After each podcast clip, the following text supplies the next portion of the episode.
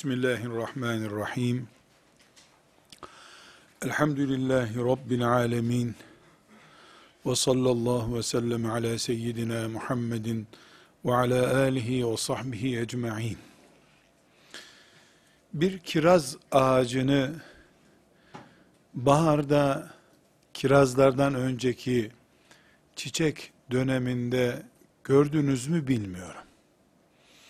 Dünyadaki en umutsuz, en köhne görüşlü bir insanı bile büyük bir kiraz ağacının çiçek açtığı zaman önüne getirseniz o ağacın altında bembeyaz yapraklar belki 10 bin yaprak belki 20 bin yaprak bir ağaçta böyle çiçek açmış beyaz desen arada yeşil yapraklar var. Yeşil desem bembeyaz.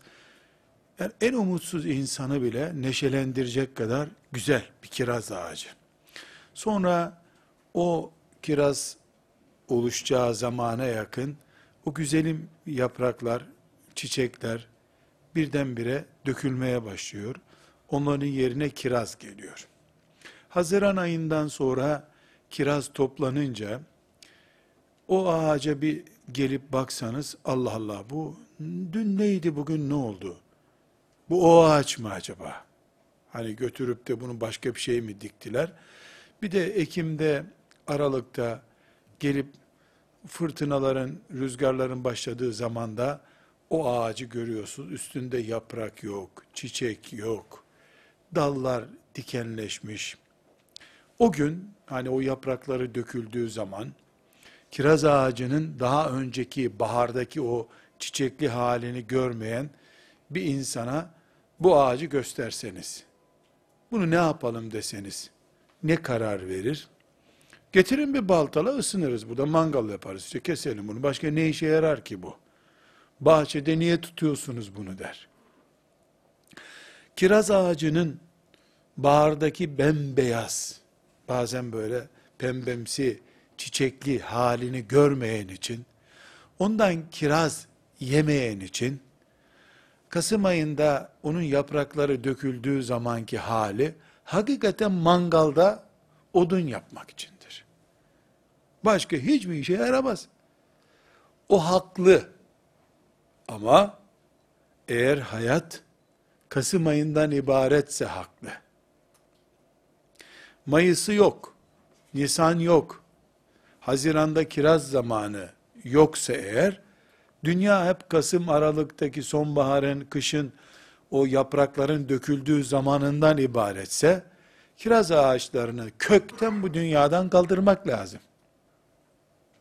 Aynı şekilde şeftalileri, kayısıları da kaldırmak lazım. Sadece kiraz ağacını böyle baz alıp düşündüğümüzde, kiraz ağacının çiçeklerinin döküldüğü, meyvesinin toplandığı, yapraklarının da kuruyup döküldüğü, rüzgarda yaprakların döküldüğü zamanda, tutup da biz bu nedir diye aslını bilmeyene, onu 12 ay boyunca görememiş birisine, kiraz ayını, kiraz ağacını 12 ay boyunca görememiş birisine, ne yapalım bu ağacı dediğinde, getirin baltayı der. Baltayı getirin. Baltalık o. Ama o ağacın Nisan'daki çiçeklerini gören hiç kimse ona onu kestirmez. Ne yapıyorsun sen? Sen bilmiyorsun bu ağacın biz mevsimini biliyoruz der. Şimdi kardeşlerim ziraat enstitüsü değiliz. Ama kiraz yer bir insan olduğumuz için, kirazı çok sevdiğimiz için, hele size tavsiyem, Nisan ayından sonra Allah'ın azametini görmek için şu kiraz ağacına bir bakın. Her bir kiraz için belki beş tane çiçek açıyor.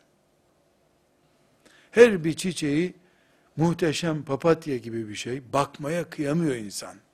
Bakmaya kıyamıyor. O ağaca, ağaçta kaç tane kiraz olacağını çiçeklerden sayabiliyorsun. Büyük bir sanatı Allah'ın. Bu böyle ara cümle gibi dursun. Bunu gidip inceleyiniz. Şimdiden planlayın.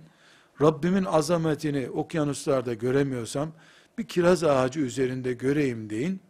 Şöyle Mart'tan sonra, soğuklar geçtikten sonra bir kiraz ağacını günlük izleyin. O çiçekli manzarası şöyle 10 gün anca sürüyor zaten. O zaman onu yakalayacaksınız. Hep çiçek dursa meyve veremeyecek bu sefer. Dalları çiçekler işgal ediyor. Onlar gidiyor, kiraz geliyor. O kiraz hep dursa kuşlar rahat bırakmıyor. Kuşlar yemeden çiftçi topluyor onları, getirip bize satıyor.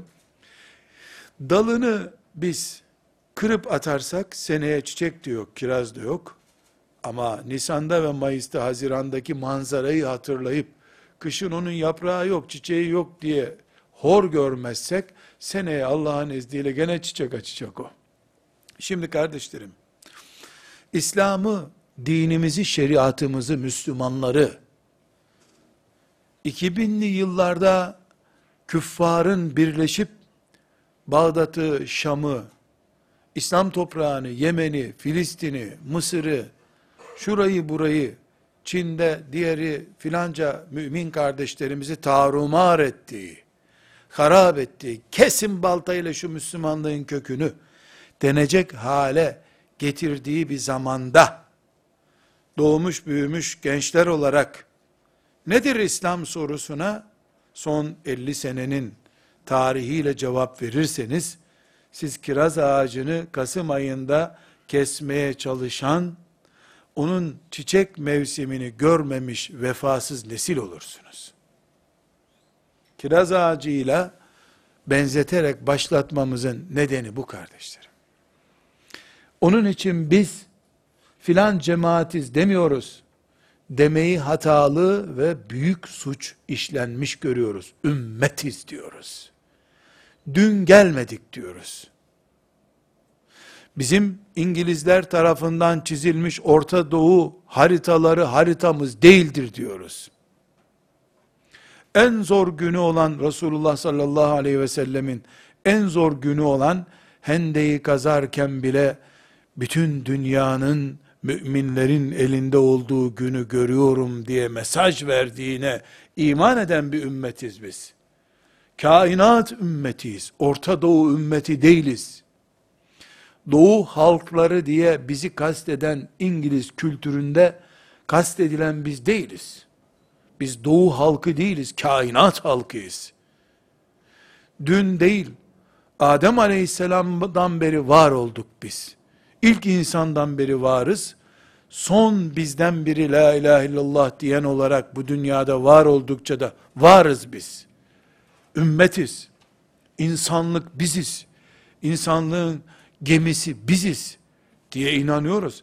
Orta Doğu diye İslam hatırlandığı zaman bu sorunlar ortaya çıkar. Birleşmiş Milletler, birleştirilmiş uluslar kurulduktan sonra insanlığın tarihi başlamış gibi bir tarih yazılırsa bize yer kalmıyor bu tarihte.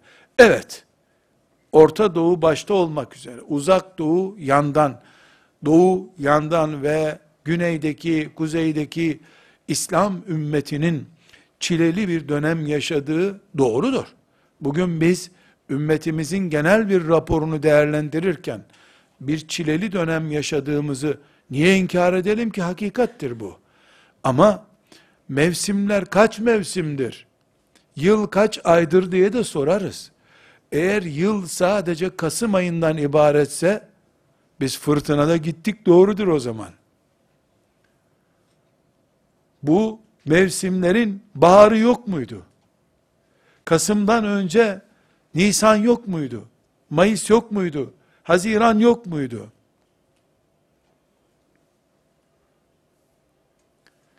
Mevsimler sadece kış mıdır? Aylar sadece yapraksız kiraz ağacını çirkin düşüren sadece Kasım ayından ibaret midir? Evet, kiraz ağacının dört mevsimini görmeyen için çirkindir kış günü kiraz. Yediği kirazın bile, hayran olduğu kirazın, vişnenin bile o ağaçtan olduğuna inanamaz o. Bu kadar çirkin ağaç bu, güzel meyveyi verir mi der. Bilmiyordur, haberi yoktur. Ama Kur'an ümmetiyiz biz. Muhammed aleyhisselamın çizdiği ufukların ümmetiyiz biz Biz Kasım ayından önce bu dünyada Nisan vardı. Kıştan önce bahar vardı. Biliyoruz bunu. Kendimizi inkar edemeyiz ki. Mevsimleri nasıl inkar edeceğiz? Dersek eğer bu kuş bakışıyla bakabilirsek, 12 ayı, 4 mevsimi gören bir gözlükle olaylara bakabilirsek, bahçemizde o ağacın çiçek açtığı, bembeyaz çiçekle çarşaf gibi bahçemizi donattığı günü, hatta o ağaçtan düşen çiçeklerin toprağın üzerinde bir yorgan gibi olduğu günü bilen birisi, neden kış günü kiraz ağacının baltalık olduğunu düşünsün ki?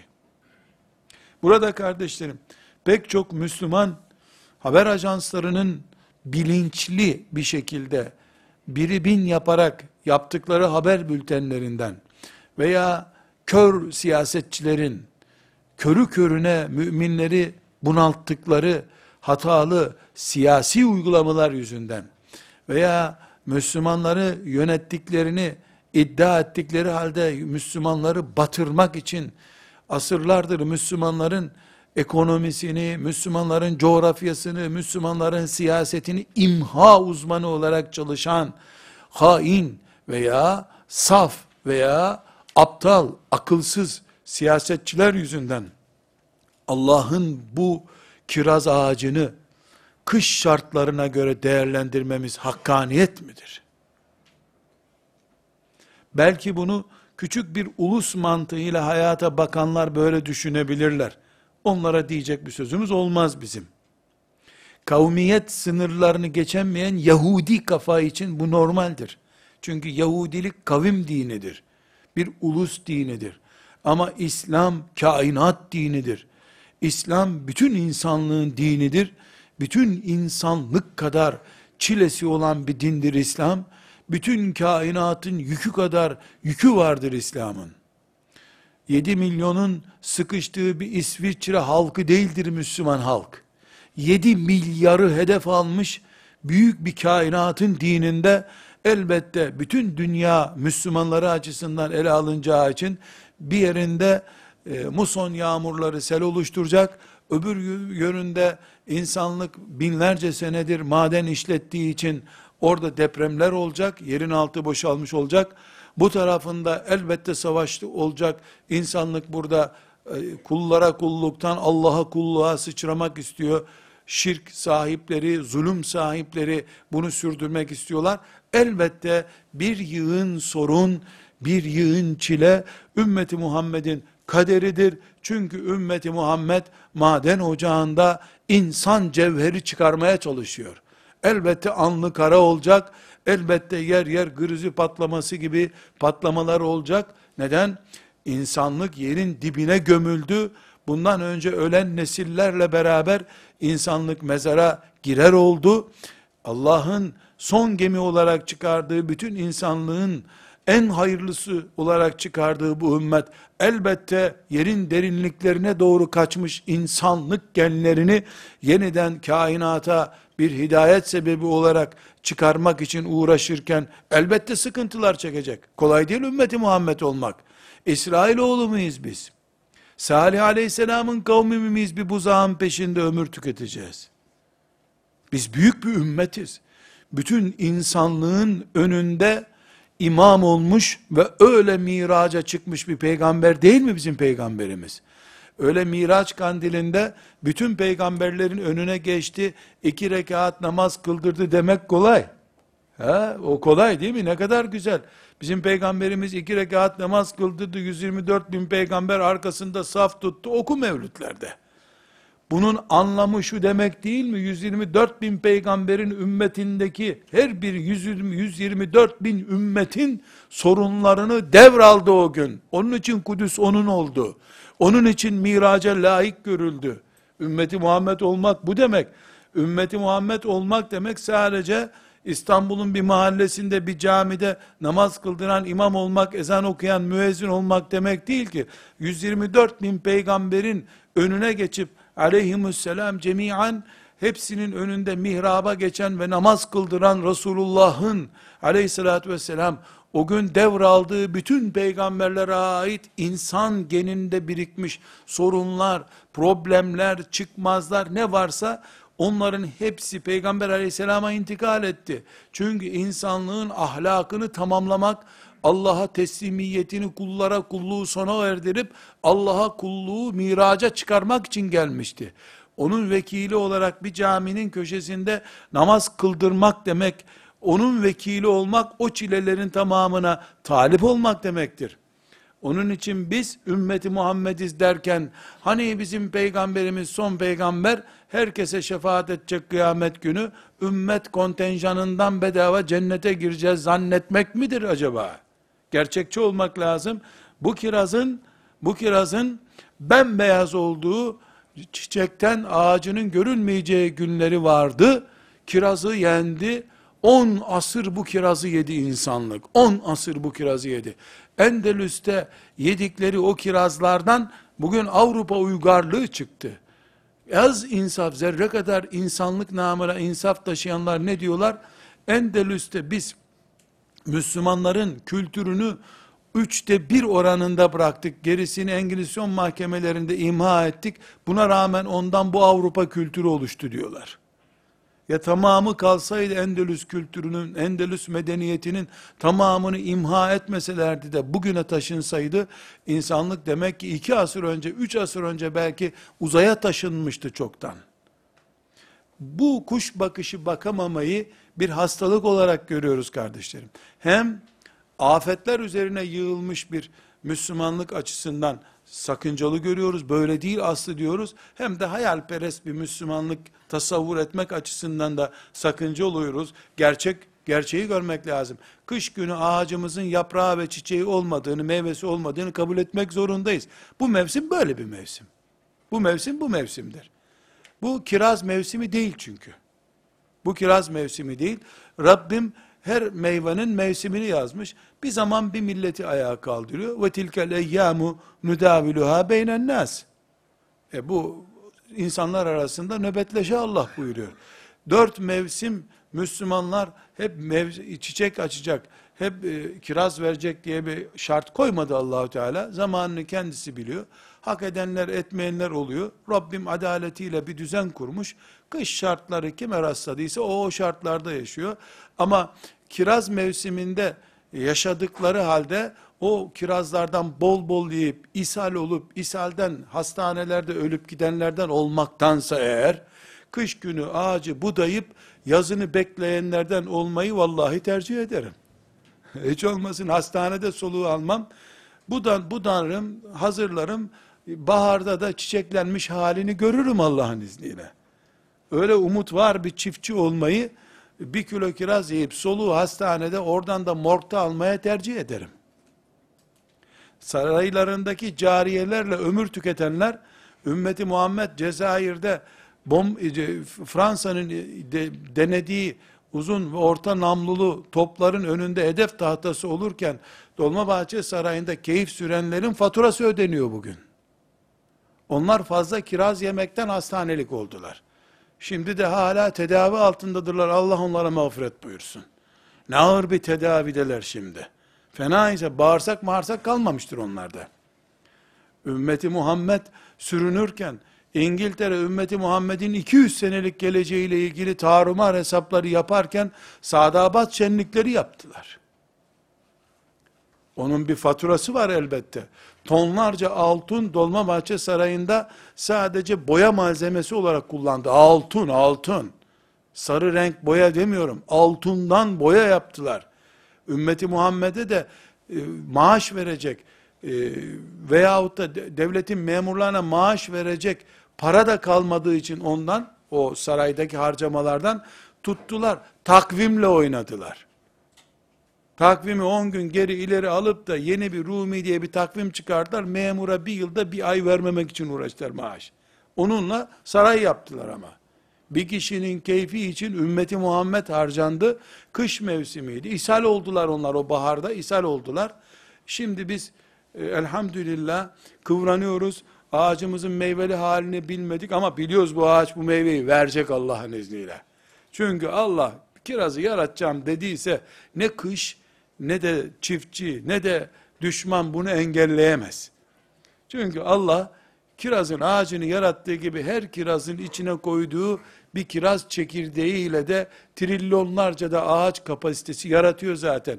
Ümmeti Muhammed'i dar boğaz edip bunaltanlar, ümmeti Muhammed'in bugün 20 yaşında delikanlılarının eyvah 17 yaşımdan 3 sene geçti hala ben e, Allahu Teala'nın peygamberinin sancağını emanet edeceği Üsameli'yi geçirdim. Hala bana sancak emanet etmediler diyen 17 yaşından beri Üsame olmak için kıvranan delikanlı nesli var bu ümmetin. Bu kirazın çekirdeğidir Allah'ın izniyle.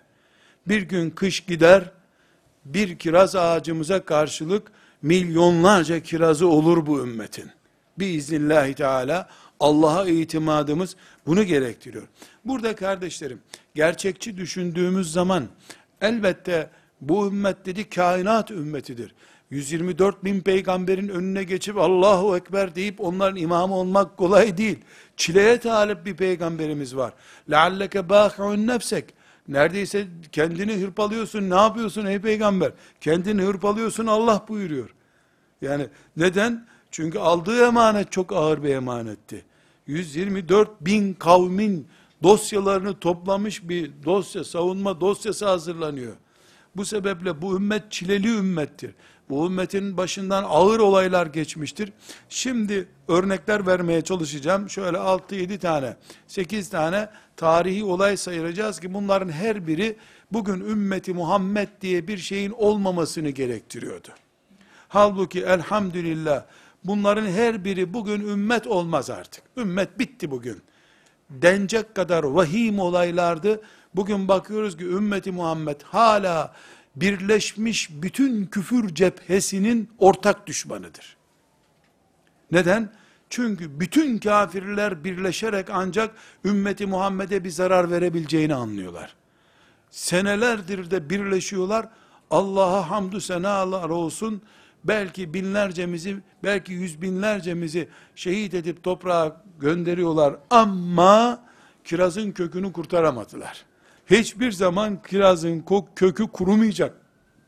Allah'ın izniyle ve lütfuyla. Kardeşlerim şöyle hızlı bir şekilde ümmeti Muhammed'in varoluş sürecindeki e, ağır darbeleri tefekkür edeceğiz. Sonra da sonra da tıpkı kış şartlarında Allah'ın o çiçekleri nere gizlediğini, bu ağacın neresinde bu çiçekler ya?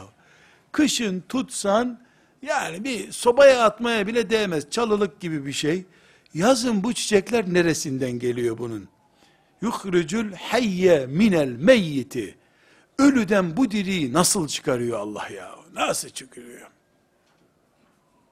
Nasıl çıkarıyor Allah? Bunu anlamak için şu kış şartlarının örneklerinden ilk kışı yaşamıyoruz biz. Her sene kış oluyor çünkü. Her sene bahar da oluyor, her sene de kış oluyor. İnsanlık her asırda bir kış yaşar, bir bahar yaşar. Şimdi belki batı kültürünün baharı gibi görülüyor. Allah'ın izniyle sonbaharıdır ama. İlk baharı bile değil. Kendilerini yemeye başladılar. Düşman olmasa karşılarında yani başka birini düşman olarak oturup lanse etmeseler kendileri için kendi kendilerini yiyecekler aç kurtlar gibi. Ama elhamdülillah ümmeti Muhammed bu kış biter bitmez çiçek açmaya hazırdır. Gençler buna hazırdır. Hele hele genç kızlar, bu ümmetin genç kızları bahardan önce neredeyse çiçek açacaklar diye korkuyorum ben. Ciddi ciddi korkuyorum. Bahardan önce çiçek açacaklar, açacaklar diye korkuyorum. Neden? Çünkü sonra bir soğuk gelir de maazallah çiçeğini kırarsa kirazsız kalırız diye endişe ediyorum. Burada rahmete vesile olsun diye küçük bir hatıramı nakledeyim. Hepimize muhteşem ve güzel bir ders olur. Yorumunu ben yapmayayım, serbest yorum olarak size aktarayım. 1980'li yıllarda Türkiye'de askeri ihtilalin hükümran olduğu 80'li yıllarda e, Seyyid Kutub'un küçük kardeşi Muhammed Kutup Allah her ikisine de rahmet eylesin. Mekke'de yaşıyordu. Bizim okuduğumuz üniversitede de e, hoca idi. e, yaz tatillerinde bir Müslüman ona Sarıyer'de, İstanbul Sarıyer'de bir güzel bir ev bulmuştu. Ailesiyle gelip burada dinlenirdi yaz aylarında. Bir dönüşünde 87-86 o yıllardan birinde tam yılını hatırlamıyorum. Döndüğünde e, hoş geldin için ziyaretine gittik. Ben de bir kitabını tercüme etmiştim. İşte son bilgileri vermek için gitmiştim. E, hoş geldiniz hocam dedik. Hoş bulduk. E, biz şimdi gurbette olduğumuz için bir de Türkiye'de işte yeni yeni İslami çalışmalar e, tekrar e, izin veriliyor falan. Çok heyecanlı. Gelen gideni heyecanla takip ediyoruz. E, dedik ki üstad nasıl buldunuz Türkiye'yi, İstanbul'u? Endişeliyim dedi. Ben de e, yani endişeliyim kelimesini onun kullandığı ifadede herhalde yanlış anladık gibi düşündüm yani. Ne endişe olacak ki? Ne açıdan endişesiniz dedim. Dedi İslami gelişmelerden endişeliyim dedi. Nasıl bir endişe diye tekrar sorduk. Dedi ki ben biliyorsunuz her sene gidiyorum dedi. Bu 83 yılında mı 84'te mi gittiğimde gençler hoş geldin Seyyid Kutub'un kardeşi misin filan elimi öpmeye geldiler dedi. E, ondan sonraki sene e, İstanbul'da yeşil mi İstanbul, denizi sevdin mi, Sarıyer güzel mi diyorlardı dedi. Ondan sonraki sene Enver Sedat'ı kim öldürdü, şehit midir filan sormaya başladılar. Mısır'ın meşhur Firavun'u. Ee, ondan sonraki, ya her gittiğimde önce Mısır'ı soruyorlardı. Sonra baktım, İslam hilafeti ne zaman kurulur filan sormaya başladılar. Dedi. Ben de bunun nesinden endişe ediyor hala anlayamadım. Yani bunun neresinde tehlike var dedim. Allah rahmet etsin. Basiretli, mütefekkir, içinde şehitler vermiş bir ailenin çocuğu dedi ki bakın dedi. Bunlar aslında çok güzel bir şey. Önce İstanbul'un boğazından, yeşilliğinden konuşuluyordu. Üç sene sonra İstanbul'a yeniden halife ne zaman gelir soruluyor dedi. Bu çok hoş ama korkuyorum çok erkenden Müslüman gençler Türkiye'de hilafeti aramaya başlarlarsa, Amerika ve dünya güçleri er geç bu hilafet gelecek diye bunu hissederlerse, vaktinden önce hilafeti onlar getirir. Bu sefer bizim aradığımız hilafet olmaz. Biz hazır hilafet istiyordunuz susunla diyen bir kadroyla karşılaşırız. Biz bizim hilafetimizi getirmemiz lazım. Dedim ki ben de yani hilafeti konuşmayalım mı diyorsun? Öyle de diyemiyorum ama işte onun için endişeleniyorum. Hızlı mı gidiliyor diye endişe ediyorum dedi. Allah ona rahmet eylesin. Yakın bir zamanda vefat etti. Sonraki 90 yılından sonra bin yıl, bin yıl İslam'la ve şeriatla savaşacağız diyenleri de gördük. Belki genç kardeşlerim o günü hatırlamıyorlar. Onun üzerinden 10 sene geçmeden İslam'a bütün kapıların açıldığı günleri de gördük. Şimdi de çok endişeli olan hocamız Muhammed Kutub'un bu dedikleri keramet miydi, basiret miydi onu da kararlaştıramıyorum. Çünkü bakıyorum başörtüsü kavgası yapıldı, başörtüsü var. Bakıyorum üniversite İmam Hatip puan kavgası yapıldı, İmam Hatiplere her yer açıldı. İmam Hatiplere gerek yok deniyordu. Her sokakta İmam Hatip olma şartı var neredeyse. İmam Hatip olmayan sokak kalmayacak. Ama başörtülü hanım kızlar Allah'ın mirasla ilgili hükmünü, evlilikle, talakla ilgili hükümlerini tartışıyorlar. İlahiyat fakültesi 3 tane idi o zaman, şimdi 123 tane. Ama ilahiyat fakültesi demek neredeyse, öyle değil ama neredeyse, Resulullah sallallahu aleyhi ve sellemin sünnetine kapalı mekan demek. Ebu Hanife'nin kobay olarak kullanılmak istendiği yer demek. Hala çiçek ağacın, çiçek veren kiraz ağacındayım ben. Hala oradayım. Hala kışı konuşuyorum. Erken baharda ağacın aldanıp çiçek açması karşısında küçük bir don olursa Mayıs'ta, o donda çiçeklerin dökülüp kirazımızdan olmasından korkuyorum. Bir dahaki yazı, bir dahaki baharı bekleyeceğiz o zaman. Gerçekçi olmamız gerekiyor. Bunun için biz tarih boyunca gördüğümüz kış şartlarını inkar edemeyiz. Çok kış gördük biz. Çünkü kainat ümmetiyiz. Bütün insanlıkız biz. Kabile değiliz.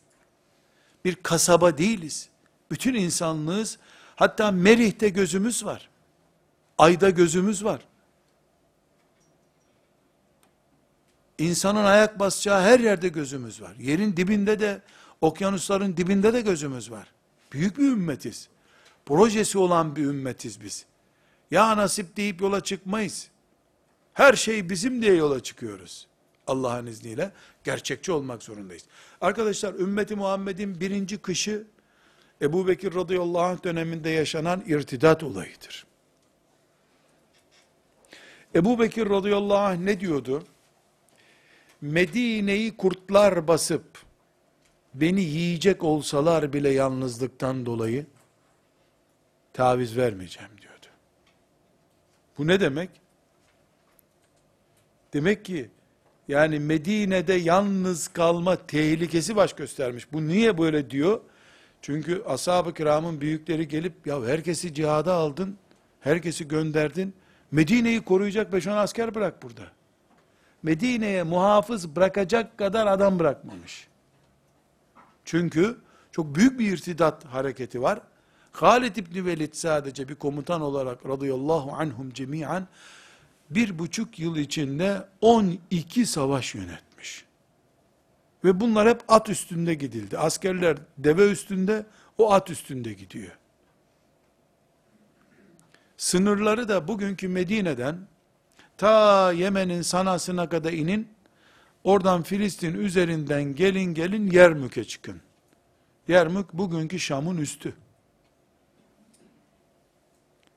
Bu bölgeyi at üstünde bir buçuk senede gidince üfleyip de geri gelmiyor. Bir ay iki ay savaş yapılıyor gittiği yerde. Herhalde gidip de yani üfleyip şifre takıp gelmiyor. Savaş yapılıyor. At üstünde çadır kuruluyor, savaş yapılıyor. Böyle büyük bir hareket. Bunların hepsi e, Resulullah sallallahu aleyhi ve sellemin ashabı dağıldılar dünyaya. Bu dağılma esnasında kalabalık kitleler, münafık kitleler ve kalbine iman girmemişler, irtidat ettiler. Taif, Mekke ve Medine. Bu üç şehrin dışında neredeyse sarsıntısı olmayan şehir kalmadı. Her yerde bir irtidat, yani irtidat ne? Dinden çıkıyoruz, İslam'dan çıkıyoruz hareketi. Başladı. O gün İslamiyet'in e, doğduğu topraklara gömülme tehlikesi vardı. Ama Allah onu Ebu Bekir'le buluştursun. Allah onu Ebu Bekir'in neredeyse oraya göndersin. Şu anda benzer yerlerdedirler diye umuyorum. Ebul Hasan en-Nedvi rahmetullahi aleyh Hindistanlı davetçi alim rahmetullahi aleyh ve gafara meşhur kitabı ne diyor? Bugünle o günleri kıyas ederken bugün de bir irtidat var ama Ebu Bekir'imiz yok diyor hilafetten sonraki dönemi 1924'te ümmeti Muhammed'in halifesiz kaldığı dönemi yorumlarken riddetun la Eba Bekra leha riddetun la Eba Bekra leha bu onun meşhur bir kitabıdır. Ebu Bekir olmayan riddet diyor. Yok Ebu Bekir yok. Ah Ebu Bekir olacaktı da Halid'ini bir salacaktı. Ümmeti Muhammed bir buçuk senede tertemiz ederdi her şeyi. Yani bugünkü e, korkunç fırtına da o günkü e, fırtına gibiydi. Resulullah sallallahu aleyhi ve sellemin o büyük muhteşem kainatı aydınlattığı e, nübüvvet yıllarından sonra ani bir darbe, hiç kimsenin beklemediği bir darbe çıkardı şeytan. Şirkti vesaireydi, putları temizledik derken kalplerden imanı söküp almaya çalıştı. Epey bir zayiat oldu. Bir sürü yalancı peygamber çıktı ortaya. Biz Muhammed bize bıraktı gitti aleyhissalatü vesselam. Bunlar öyle demiyorlar tabi. Muhammed bize bıraktı gitti bu peygamberliği diyen bir sürü akılsız serseri çıktı. Onlar adamlar buldular. Mesela Müseylemetül Kezzab denen adam çıktı. İşte bu Yemen tarafında çok bulundu bunlar. Onlarla büyük savaşlar yapıldı. Hatta hatırlarsanız Kur'an-ı Kerim'i niye bir araya toplama ihtiyacı hissetti ashab-ı kiram? Ebu Bekir radıyallahu anh niye böyle bir ihtiyaç hissetti? Ne dedi? Yemame savaşlarında, bu irtidat savaşlarında e, hafızlarımız hep şehit düştü. Kur'an'ı ezber bilen kalmadı. Aman bunu bir kitap haline getirelim dediler. Yani tehlikenin boyutluğuna örnek konuşuyoruz. İslam o gün e, kirazın yaprağının da döküldüğü, dallarının kupkuru olduğu bir güne döndü. Efendimiz Aleyhisselam'dan 6 ay sonra, çok uzun bir zaman sonra değil. Ama bahar bir çıktı, bir çıktı, Medine İslam merkezi oldu, dünya merkezi oldu. Sadece iki sene sonra. O zamanki bu fırtına kış sezonu iki seneye yakın zaman sürmüş. Allah, Allah Ebu Bekir'den razı olsun. O irtidadı, o kudretli tavrıyla, o hani işte e, ağlayan Ebu Bekir, Kur'an okurken ağlayan, merhametli Ebu Bekir, yılan ayağını sokuyor bir şey diyemiyor. O menkıbeleri geç, o menkıbeleri geç, kurtlar parçalasın beni Medine'de, İslam'ın bir damlası eksilmesin diye Ebu Bekir'e bak sen. Yani hep böyle insanlar yanlış tasavvur ediyorlar kardeşlerim. Ebu Bekir deyince, ah bir tatlı hacı amca torunlarına hatıralarını anlatır. Yahu sadece Halid'le 14 savaş yapmış iki senede. Halid'i kullanarak. Bir sürü de başka komutanları da var. E, o Ebu Bekir bu işte ya. Bir celaller bakmış ki İslam'a laf geliyor. İslam tehli gitti o Ebu Bekir.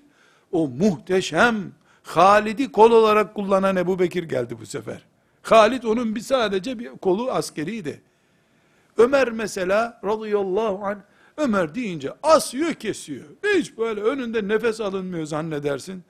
Ya bir çocuk ağlayınca uykusu kaçan bir adam bu. Yani biz yanlış düşünüyoruz. Bu menkıbeler abartılıyor, zihnimizde abartıyoruz. Ebu Bekir'i böyle hiç ağlar bir adam, Hacı Efendi hiç ses çıkarma, torunlarıyla işte emekli yıllarını geçiriyor. Peygamberden sonra emek. Nerede o Ebu Bekir ya? Ebu Bekir Rabbi ile baş başa kalınca öyle. Küfrün karşısına geçince güneş olup, volkan olup parlıyor. Ömer, küfrün ve hatanın karşısında, zulmün karşısında o Ömer. Rabbi ile baş başa bir Ömer'i görsem, bak Ömer gör. Mum mu dersin, sünger mi dersin? Toprak oldu gitti o Ömer. Ama bir zalim görmeye görsün Ömer. O zaman bir volkan parlıyor, patlıyor. Ashab-ı kiram için geçerli bu sözler. Hepsi için geçerli. Allah onlardan razı olsun. Demek ki ümmeti Muhammed'in e, bugünkü böyle kaba çağdaş deyimle konuşalım. Tarihe gömülme tehlikesi yaşadığı bir dönemdir. Hicretin 11. senesi.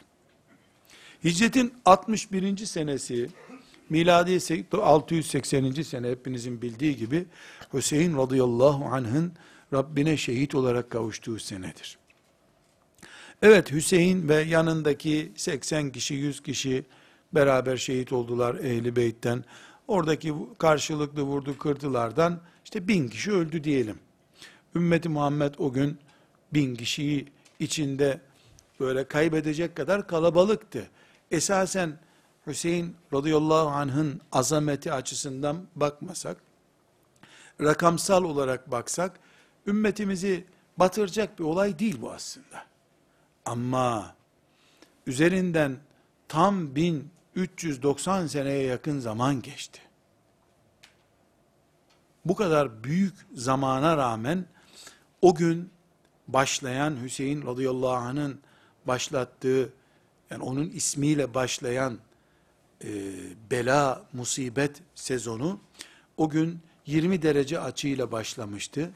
Bugün Suriye'de gördüğünüz İran'ın giriştiği katliamlar, Müslüman katliamı, Irak'ta cuma namazı kılanları bombalayanlar veya Yemen'de Müslümanlara karşı ihtilal yapan öbür Müslüman gruplar, o 20 dereceyle mesela başlayan, Hüseyin radıyallahu anh'ın şehadetiyle başlayan o büyük afetin, bugün büyüye büyüye neredeyse 300 dereceye geldiğini, açının arkadan makası kuşatıp, ümmeti cendere içinde bırakacak hale geldiğini, fırkalaşma üzerinde olduğunu görüyoruz.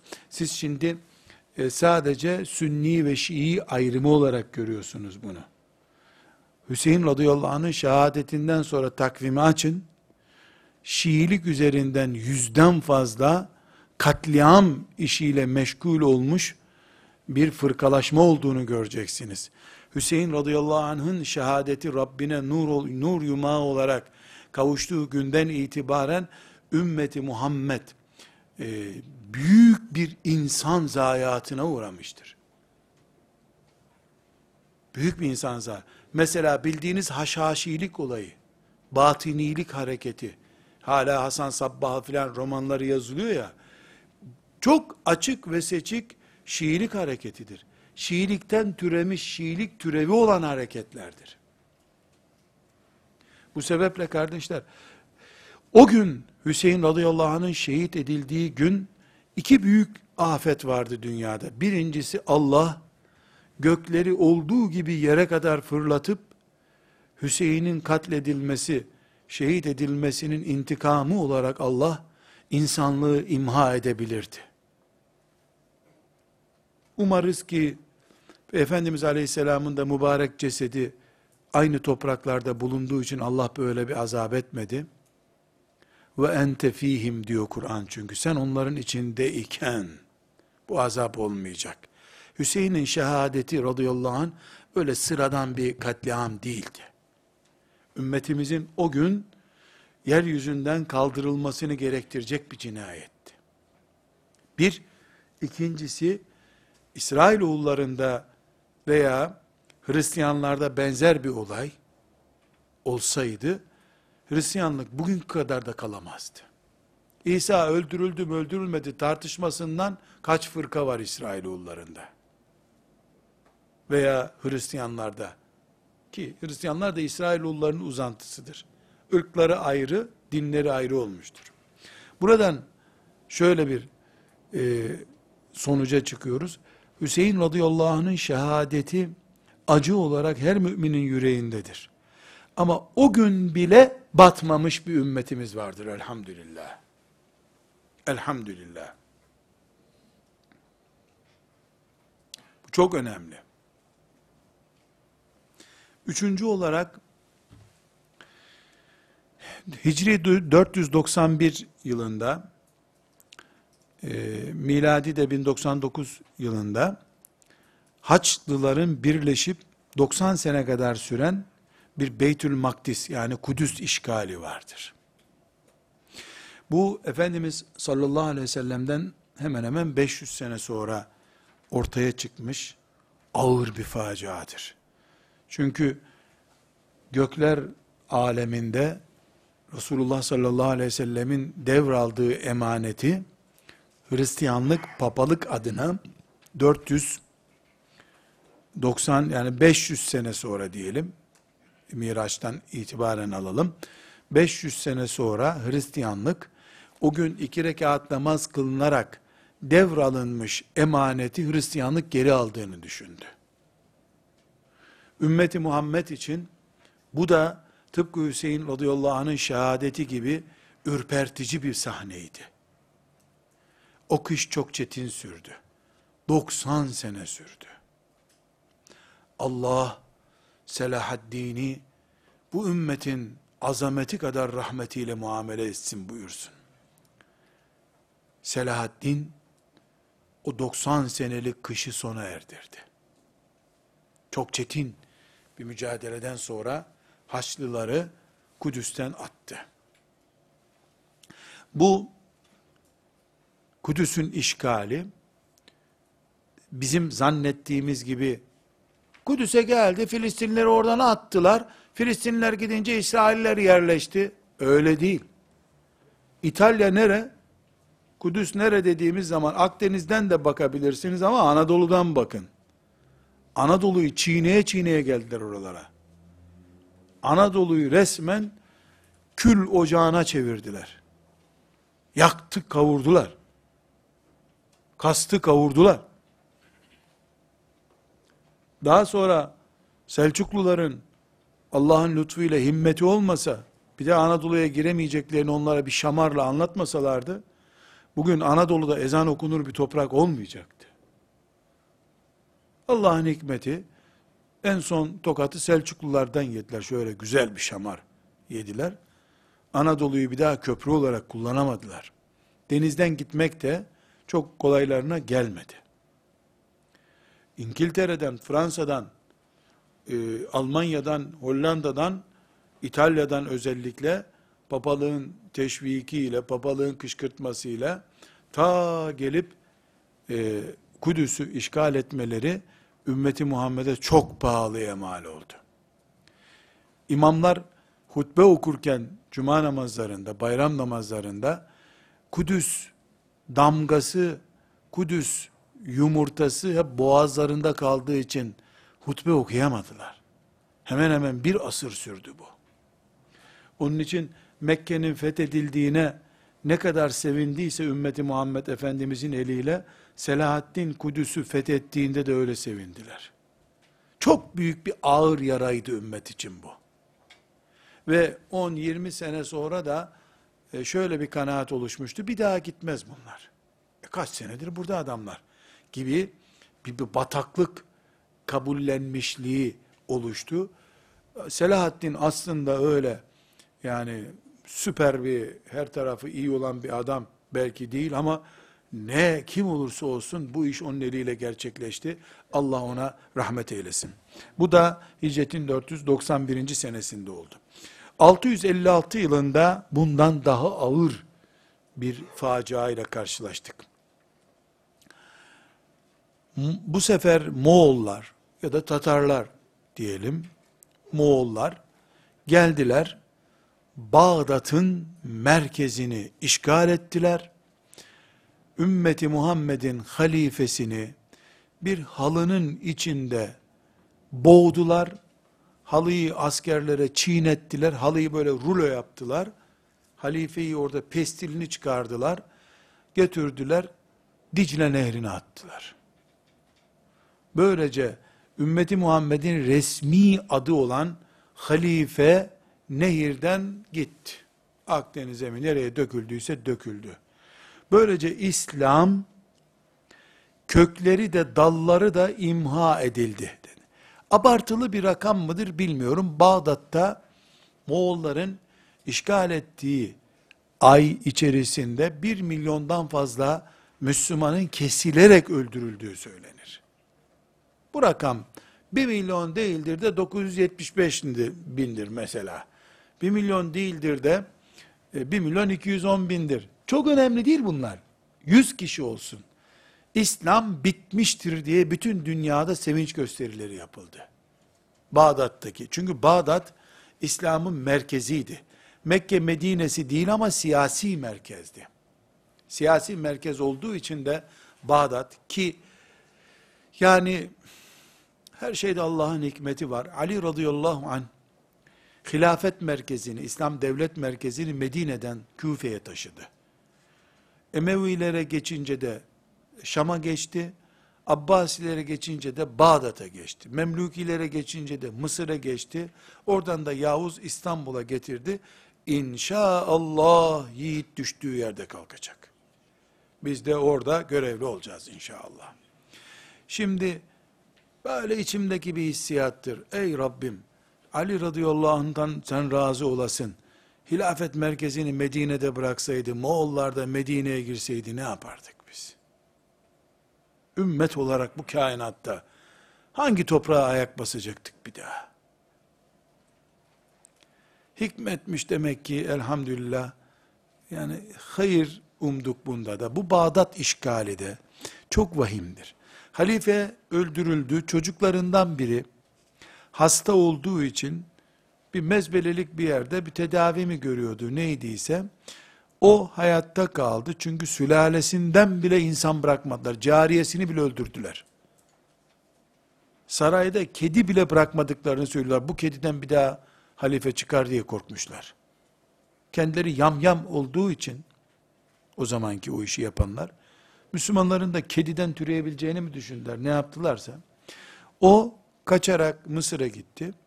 Mısır'da e, Memlukiler, Eyyubiler diyelim, yani Selahaddin Eyyubi'nin çocukları ya da torunları sahip çıktılar. E, tekrar hilafet Allah'ın izniyle nesilden nesile devam eder oldu. Yoksa hilafet kopmuş bir durumda olacaktı. Mesela Yavuz rahmetullahi aleyh Allah ona ebedi rahmetleriyle muamelede bulunsun. Bana çok lazım biri çünkü Yavuz. Hilafeti İstanbul'a getirirken yani ben kendimi uygun buluyorum diyerek hilafet ilan etmedi. Devralıp geldi.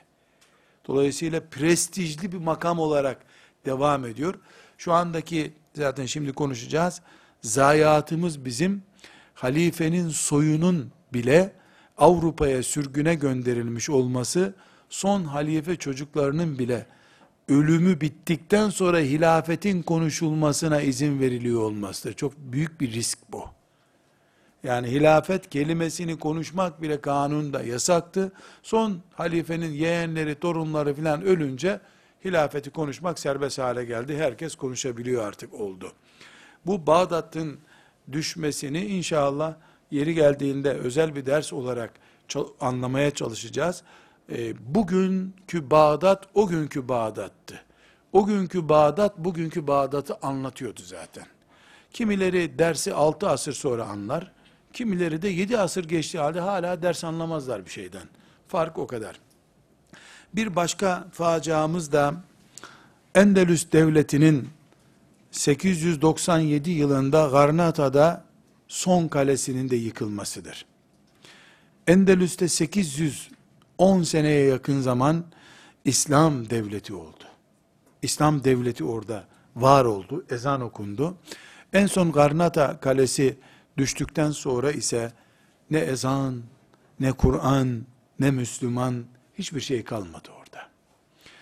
Bizim şu anda dünya üzerinde 1437 senelik geçmişimiz var. Sadece hicret takvimiyle ondan önce de 30 senemiz var, 13 senemiz var. 1450 sene yapar hicret takvimi itibariyle. 1450 seneden beri ümmeti Muhammed'in gidip devlet kurduğu ve orada ezan okuduğu ve şu anda namaz kılınmayan, oruç tutulmayan, Kur'an öğrenilip öğretilmeyen tek yer İspanya'dır. Yani Endülüs'tür. Bunun dışında kökten kaybettiğimiz bir kalemiz olmamıştır. Bu sebeple Müslümanların Real Madrid'miş, İspanya'nın filan takımıymış veya Almanya'da bir takımmış. Müslüman Endelüs acısını unutur da orada bir futbol takımı hatırlar mı? Futbol nedir demiyorum bak. O ayrı bir dert. Ama bizim ümmetimizin büyük bir medeniyet yazdığı, tefsir ilminden matematiğe, tıp ilminden astronomiye, bugünkü dünya uygarlığının bile hala etkisi altında kaldığı, bu büyük medeniyetimizin yazıldığı, kütüphanelerin bulunduğu, o büyük servetimizin enkazı üzerinde bir futbol maçı izleyemez mümin. Bu mümkün değildir. Benim yüreğim her türlü imkanım olduğu halde Endülüs'ü müze olarak ziyaret etmeye bile izin vermiyor. Yüreğime bunu inandıramıyorum. Onu seyredebileceğimi zannetmiyorum.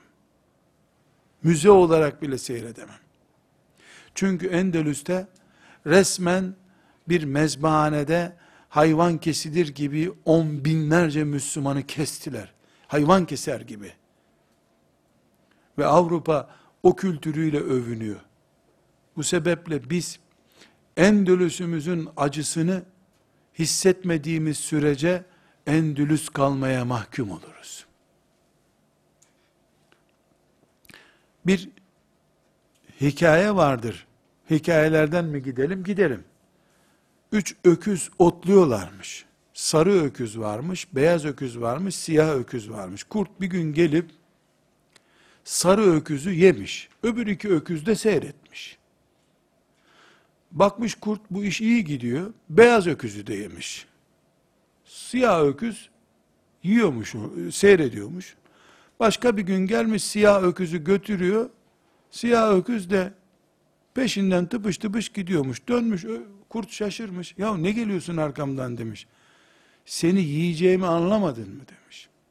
O da demiş ki ben o sarı öküzün yendiği gün yenmiştim zaten demiş. Sarı öküzün yendiği gün yenmiştim. Endülüs'ü unutur olduğumuz sürece, Kurtuba, araba ismi olduğu sürece, Garnata, şarkı, türkü isimleri olduğu sürece, İspanya'da bir futbol takımı bizim adımızın anabileceği, ağzımızdan çıkabilecek bir isim olduğu sürece, Bağdat'ta Endülüs olur, Şam'da Endülüs olur, Güneyde Endülüs olur, Kuzeyde Endülüs olur. Her yer Endülüs olur.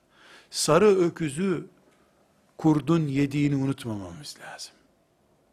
Sarı öküzü kaçırdığı gün peşinde olmalıydık kurdun biz. Kovalamalıydık kurdu. Kovalayamadık, bari sarı öküzün hatırasını unutmamamız gerekiyor. Ve 1343 yılında Hicri, 1924 yılında hilafetimizi kaybettik. Türkiye Cumhuriyeti Millet Meclisi'nin hilafeti de mündemiç olduğu, yani halifelik ruhunun da içinde bulunduğuna karar veren birilerine uleması, sarıklısı, kavuklusu uydu ve hilafet kaldırıldı. Kaldırıldı derken Allah'ın koyduğunu kim kaldıracak elbette ama ümmetimizin kışından konuşuyoruz biz. Böyle bir kışımız oldu bizim ve şu anda bu kış şartlarının şöyle böyle 90. senesini yaşıyoruz. Ey büyük Allah'ım, kerim Allah'ım, latif Allah'ım, bize bunun 100. senesini gösterme. 100. senesinde hilafetimizi ihya ettiğimizi, daha muhteşem, daha şuurlu bir şekilde, Kafkasya'yı, Kuzey Kutbu'nu, Güney Kutbu'nu, Doğu'yu, Batı'yı sancağı altında alan, Allahu Ekber'i çınlatırken, meleklerin, denizlerin dibindeki balıkların bile yankı bulduğu o muhteşem temennilerimiz ve hasretimizle bizi buluşturuyor Rabbi. Bu hasretin yüzüncü senesini görmeyelim. Hiçbir mümin görmesin diye temenni ediyoruz. Ve 1366 yılında 1947 47'de küfür son yumruğunu vurdu. İsrail bir devlet olarak Filistin topraklarına girdi. İngilizlerin mandası, öküzü neyi varsa siyasetiyle girdi ve 1967 yılında da hepinizin bildiği gibi Mescid-i Aksa'yı, Kudüs'ü işgal etti. Böylece gırtlağımızı sıktı küfür. İşte 50 küsür 50 küsür senedir de küfür gırtlağımızda duruyor. Nefes aldırtmamaya çalışıyor bize. Ama biz Allah'ın kullarıyız. Bu ümmette Allah'ın şeriatının ümmetidir. Muhammed Aleyhisselam'ın bereketiyle yaşayan bir ümmettir. Küfrün yaptığı varsa Allah'ın da yapacağı vardır. Biz imanımızı koruduğumuz sürece, Endelüs'ü unutmadığımız sürece, hilafetsiz yaşamamızın anlamı olmadığını idrak ettiğimiz sürece Allah bize yardım edecektir. Lütfu ve keremiyle şeriatının hükümran olduğu günleri bize gösterecektir. Temennimiz de budur, umudumuz da budur. Biiznillahü Teala bu hasretimize de kavuşacağız da insan değil miyiz işte etten kemikteniz ya acele ediyoruz. Hani insan kiraz çok güzeldi, kiraz ağacı güzeldi. Şu Kasım ayı ne ya? O Kasım Aralık çabuk gitsin de Ocak çabuk gelsin. Hem çocuklar karneleri alır hem de köye gideriz biz kirazda çabuk yeriz diyoruz ama olmaz böyle. Bu mevsimdir, yaşanacak. Rabbim latiftir, kerimdir. Biz hak ettiğimiz için değil, o lütfettiği için, kerem ettiği için buna kavuşuruz. Kavuşacağız biiznillah. Velhamdülillahi Rabbil alemin.